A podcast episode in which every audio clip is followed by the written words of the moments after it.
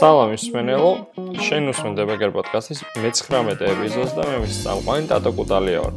ამ პოდკასტში საუბარია დეველოპერული კულტურის, ტრენდული ტექნოლოგიების და კარიერული ზრდის შესახებ. დღევანდელი თემა სახელწოდებით არის უკუკავშირის ეკვილიბრიუმი. Ну, ეს თემა ავარჩიე ბევრი დაკვირვების შემდგომ, აი კონკრეტულად კი Facebook developer ჯგუფებში, რა ფორმით ვიძლევით ხოლმე უკავშირებს და ასევე მინდა შევეხო როგორ შეგვიძლია ეს უკავშირი მივიღოთ სწორად.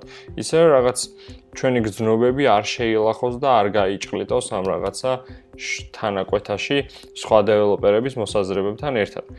ეს არ ეხება code review-ებს, შეიძლება ერთი ორი სიტყვა თქვა code review-ზე, მაგრამ ძირითადად ეს code review-ზე არ იქნება, არამედ იქნება სუფთა კომენტარებზე და პირად ურთიერთობებზე software გარემოში. როგორ გავცეთ უკავშირი? ეს არის პირველი პუნქტი, რადგანაც ძალიან მნიშვნელოვანი არის ჩვენი უკავშირი, ეს ფიდბექი იყოს მაქსიმალურად დაწვრილებით აღწერილი. თუ საჭიროა, ვიზუალური ელემენტები უნდა შემოვიტანოთ ახსნისოს, რათა უფრო მარტივი გახდეს ახსნა. ეს განსაკუთრებით აქტუალური არის დისტანციურად მუშაობის დროს, როცა კომუნიკაცია გვჭირდება, შესაბამისად, ნებისმიერი კრიტიკა თუ ცირე შენიშვნა მაქსიმალურად გასაგება დეტალურად უნდა იყოს აღწერილი, რადგან ზოგადად ადამიანური ენა, ჩვენი ენა არ არის კარგი მედიუმი ტექნიკური საკითხების ასახსნელად. შესაბამისად, გვჭირდება ძალიან სპეციფიური დეტალიზირებული რაღაცები, რითაც შევძლოთ რომ ჩვენი სათქმელი მივაწვენოთ. ამას დავუმატოთ კონკრეტული კონტექსტი, თქვათ კულტურული ბარიერები და ბევრი რაღაც, რომელიც შეიძლება დაემატოს და ექსპონენციალურად რთული გახდეს კონკრეტული ფიდბექის მიცემა. ისე რომ მეორე ადამიანმა ზუსტად იგივე კონტექსტში მიიღოს და გაიგოს, თორე ნუ ყურით გაიგებს არა წაიკითხავს. თავარი არის რომ იგივე კონტექსტში გაიგოს. მოდი გადავიდეთ მეორე პუნქტზე. ხა ინჟინერია, აი software development-ი არის ობიექტური რადგან ეფუძნება ისეთ ჭეშმარიტებებს, რომელიც დამტკიცებადია და შესაბამისად კრიტიკა მის ირგვლივად ხო უნდა იყოს ობიექტური და შესაბამისად საშუალებას გაძლევს რაღაცეებს შევხედოთ ოდნავ სხვა მხრივ ობიექტურად ისე რომ ამაში არ გავრიოთ ჩვენი პირადი გზნობები და ემოციები. ამიტომ ნებისმიერ შემთხვევაში, როდესაც პროფესიული კრიტიკა მოდის ჩვენთან, მაქსიმალურად უნდა ვეცადოთ რომ ავირიდოთ რა პირადი ემოციები შელხვა. თუნდაც იმ შემთხვევაში თუ ის ადამიანი, ვინც ჩვენ ამ კრიტიკას გვაწვდის, ან უბრალოდ უკუკავშირს გვაძლევს ამ შესახებ, შეიძლება არ მოგწონდეს, შეიძლება პირადი შუღლი გქონდეს მასთან, შეიძლება რაღაცა გვაღიზიანებდეს საერთოდაც კი მაგ ადამიანთან თქვა ოთახში ყოფნა, ანუ არ ვიცი, ბევრი ბევრი ბევრი ტიპის ადამიანი არსებობს ორივე მხარეს, თუმცა ის კრიტიკა რაც მისგან შეიძლება წამოვიდეს, ხო? უნდა მივიღოთ და მაინც უნდა შევხედოთ ჩვენს თქვა პროდუქტს სხვა თვალით. შეიძლება მეორე მხარეს იმ ადამიანმა პერსონალური გზნობებით თქვა რაღაც ბოღმით ან რაღაცით მოგცა ეს კრიტიკა, თუმცა ჩვენ უნდა მოვიქცეთ ნამდვილი პროფესიონალები და მივიღოთ როგორც პროფესიონალური კრიტიკა, ვეცადოთ რომ გავაანალიზოთ თუ არის რაღაც ისეთი რისი შესაძლოა შეიძლება ან ჩვენ თვითონ უცებ შევხედეთ ჩვენს პროდუქტს და ვნახეთ რომ ой შეიძლება თურმე აქედან ამის დანახვა ოკეი, მივიღე ეს, პერსონალურად არაფერი არ გავატარე და საქმე დაიხურა. ვინც კრიტიკას, ანუ უკუკავშირს იძლევა, შეიძლება იყოს ყველანაირი ადამიანი, აი ყველანაირი ადამიანი, ყველა ადამიანისადმი ჩვენ გვაქვს განსხვავებული ემოციური დამოკიდებულება. შესაბამისად, სრულიად ისეთი ადამიანი, რომელიც კი არ მოგწონს, კიდევ ერთხელ ვიმეორებ, შეუძლია რომ კრიტიკა თავისუფლად მოგცეს უკუკავშირი და ჩვენ ვალდებული ვართ რომ რაღაცა გავატაროთ და დავაპროცესოთ. მაგალითად მოვიყვან კიდე რომ შეიძლება Play Store-ზე მე რადგანაც Android developer-ი ვარ, იქიდან უფრო უყურებ ან Facebook კომენტარებში ხო, ძალიან ბევრი ერთნაირი ნეგატიური კრიტიკა წამოვიდეს.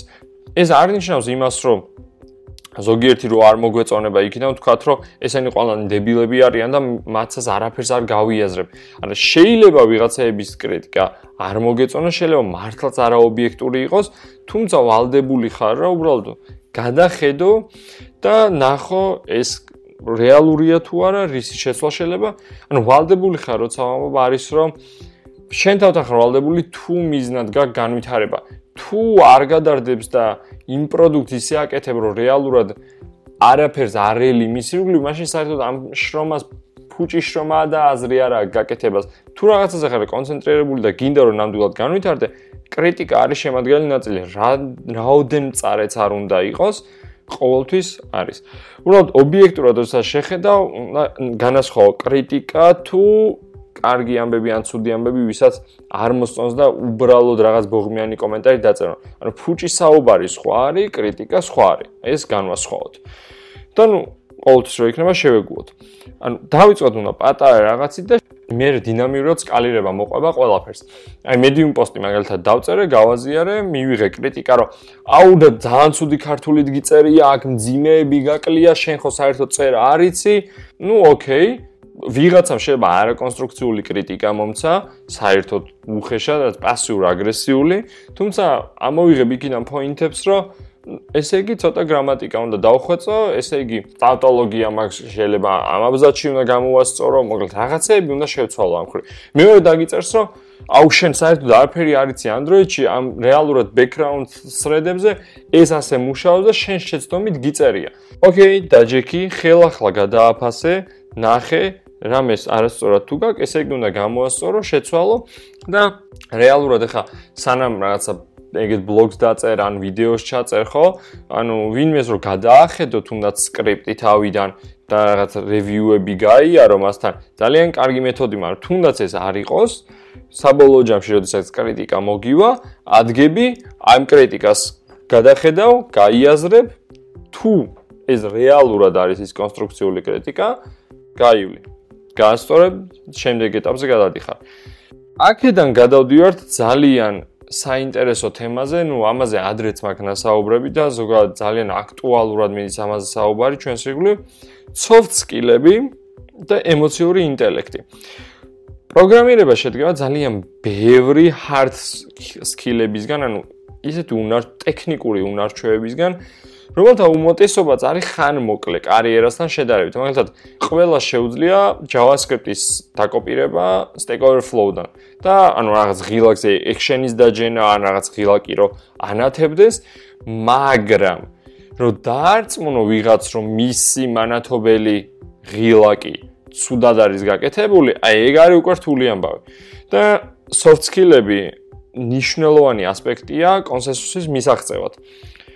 ცნობილი რჩევაა, რომ ვიღაცას პირველად ჯობია რას დადებითი უთხრა და შემდეგ მიდიხარ და ნელ-ნელა უხსნი რა შეიძლება იყოს არასწორი. და ნუ აი ეს არ მომწონს და რაღაცა უნდა შეიცვალოს. ნუ მოდი დავიწყოთ აი ასე. პირდაპირ რომ მიხვიდე ვიღაცას და უთხრა რომ არ მომწონს უნდა შეცვალო, ცუდია ეს რაღაცა. ამაზე ეგრევე მიიღებ ხის პასუხს რომ არა, ანუ რატომ უნდა შევცვალო, ანუ რადგანაც შენ ამბობ ამას და ფიქრობ, რეალურად ჭირდება კრიტერიუმები და მონაცემები, რითაც შეაფასე და გამოიტან ვერდიქტს. და მე მეორე მხარეს ზუსტად იგივე ტესტებს გაატარებს შენს ნათქვამზე და აწონდაწონის სიტუაციას. ან წარმოგიდგენ, software development-ისავით არის ტესტები უნდა გაამზადო შენს მხარეს, ნახო რამდენი კარგად იქნება და მე სხვა ადამიანს ზუსტად იგივე კონტექსტში იგივე შედეგი უნდა მიიღოს. ნუ არა არაფერი ისეთი ერთი შეხედვით არ არის აგრთული. როდესაც software development-ში რაღაცა უნდა თქვა, ჯობს პირდაპირ კონსტრუქტიული კრიტიკა მისე, ოღონდ შეურაცხყოფის garaშე რა თქმა უნდა, ვიდრე დიდი ხანი შოურიდან მოუარო, მოთაფლო, ანუ კიდე გააჩინა ვის ელაპარაკები. თუ ახალხანი წევს ვიღაცა პროგრამირებას, ან დემოტივაცია არ უნდა გაუკეთო, უბრალოდ უნდა უთხრაო, გააგზავნოს ეს საქმე, ანუ ეს გზა გააგზავნოს, მაგრამ უთხრაი რომ გამოსწორე ეს, ეს, ეს, ეს. მეტი არაფერი. ანუ ჩემთან ამ შრომალთან ან ვინმე სხვა დეველოპერთან თქვა ინტერნეტში Android ჯგუფში ან სადმე რაღაცა ტექნიკურს თუ განვიხილავთ საერთოდ არ არის საჭირო შორიდან მოვლა და მოთაფლა რაღაცების როცა შემილია პირდაპირ დავწერო კრიტიკა. იმიტომ რომ მეორე მხარეს ველი რომ ზუსტად იგივე ტექნიკურ კონტექსტში უნდა წაიკითხოს და გაატაროს რადგანაც საბოლოო ჯამში ტექნიკურ კრიტიკას ყველა უნდა მიუდგეთ ასე პასიური აგრესიულობა, ცინიზმი, ეს ყველაფერი 100%-ით უნდა იყოს გამორიცხული ზოგადად კომუნიკაციაშიც და განსაკუთრებით პროფესიულ კუთხეში, როცა გვაქვს შეხება. ნუ, ენებს შორის რო დიდი სხვაობა ეს ადრეც ვქვი. ამიტომ მოდი ცოტა დავხვეწავ მაგ ნათქვამს და ვიტყვი რომ კომუნიკაცია ენებს შორის, როდესაც ხოვობა არის, მათ შორის პროგრამირების ენებს შორის განსაკუთრებით, უნდა წავიდეს აბსტრაქციების დონეზე. ანუ რაღაცა კონტრაქტი უნდა არსებობდეს ამ ორ ობიექტ შორის, ვიდრე კონკრეტული იმპლემენტაციები. რადგანაც შეთანხმება ისე გაგვიჭirdება და აბსტრაქციების დონეზე შემდგომ დელეგირება სად მოხდება, ეს უკვე ჩვენი პრობლემა არ არის.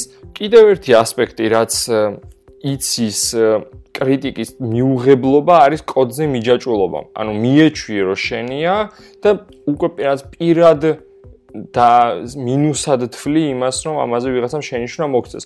მაგრამ გეუბნებით, რომ რაც შეიძლება მალე უნდა მიეჩვიო გაუშვა შენი კოდი.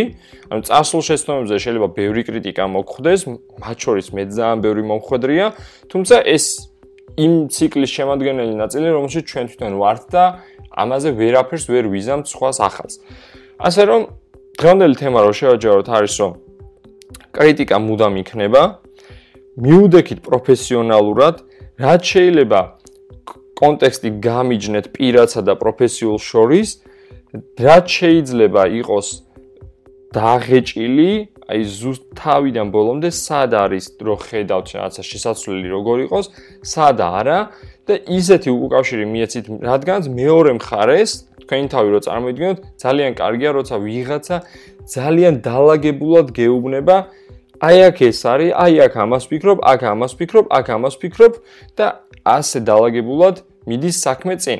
დაარჩენ შემთხვევაში კონსენსუსამდე მისვლა გაგიჭირდებათ, მით უმეტეს ენობრივი ბარიერის გამო თუ ხდება ეს ყველაფერი, რაც ორივე მხარეს გაწყობილ თავიდან აირიდოთ. დღესთვის სულ ეს იყო. მადლობა ყურადღებისთვის, ვინც უსმენდით. გთხოვთ რომ დაალაიქოთ Facebook გვერდი. ნახვამდის, შევხვდებით შემდეგ ეპიზოდში.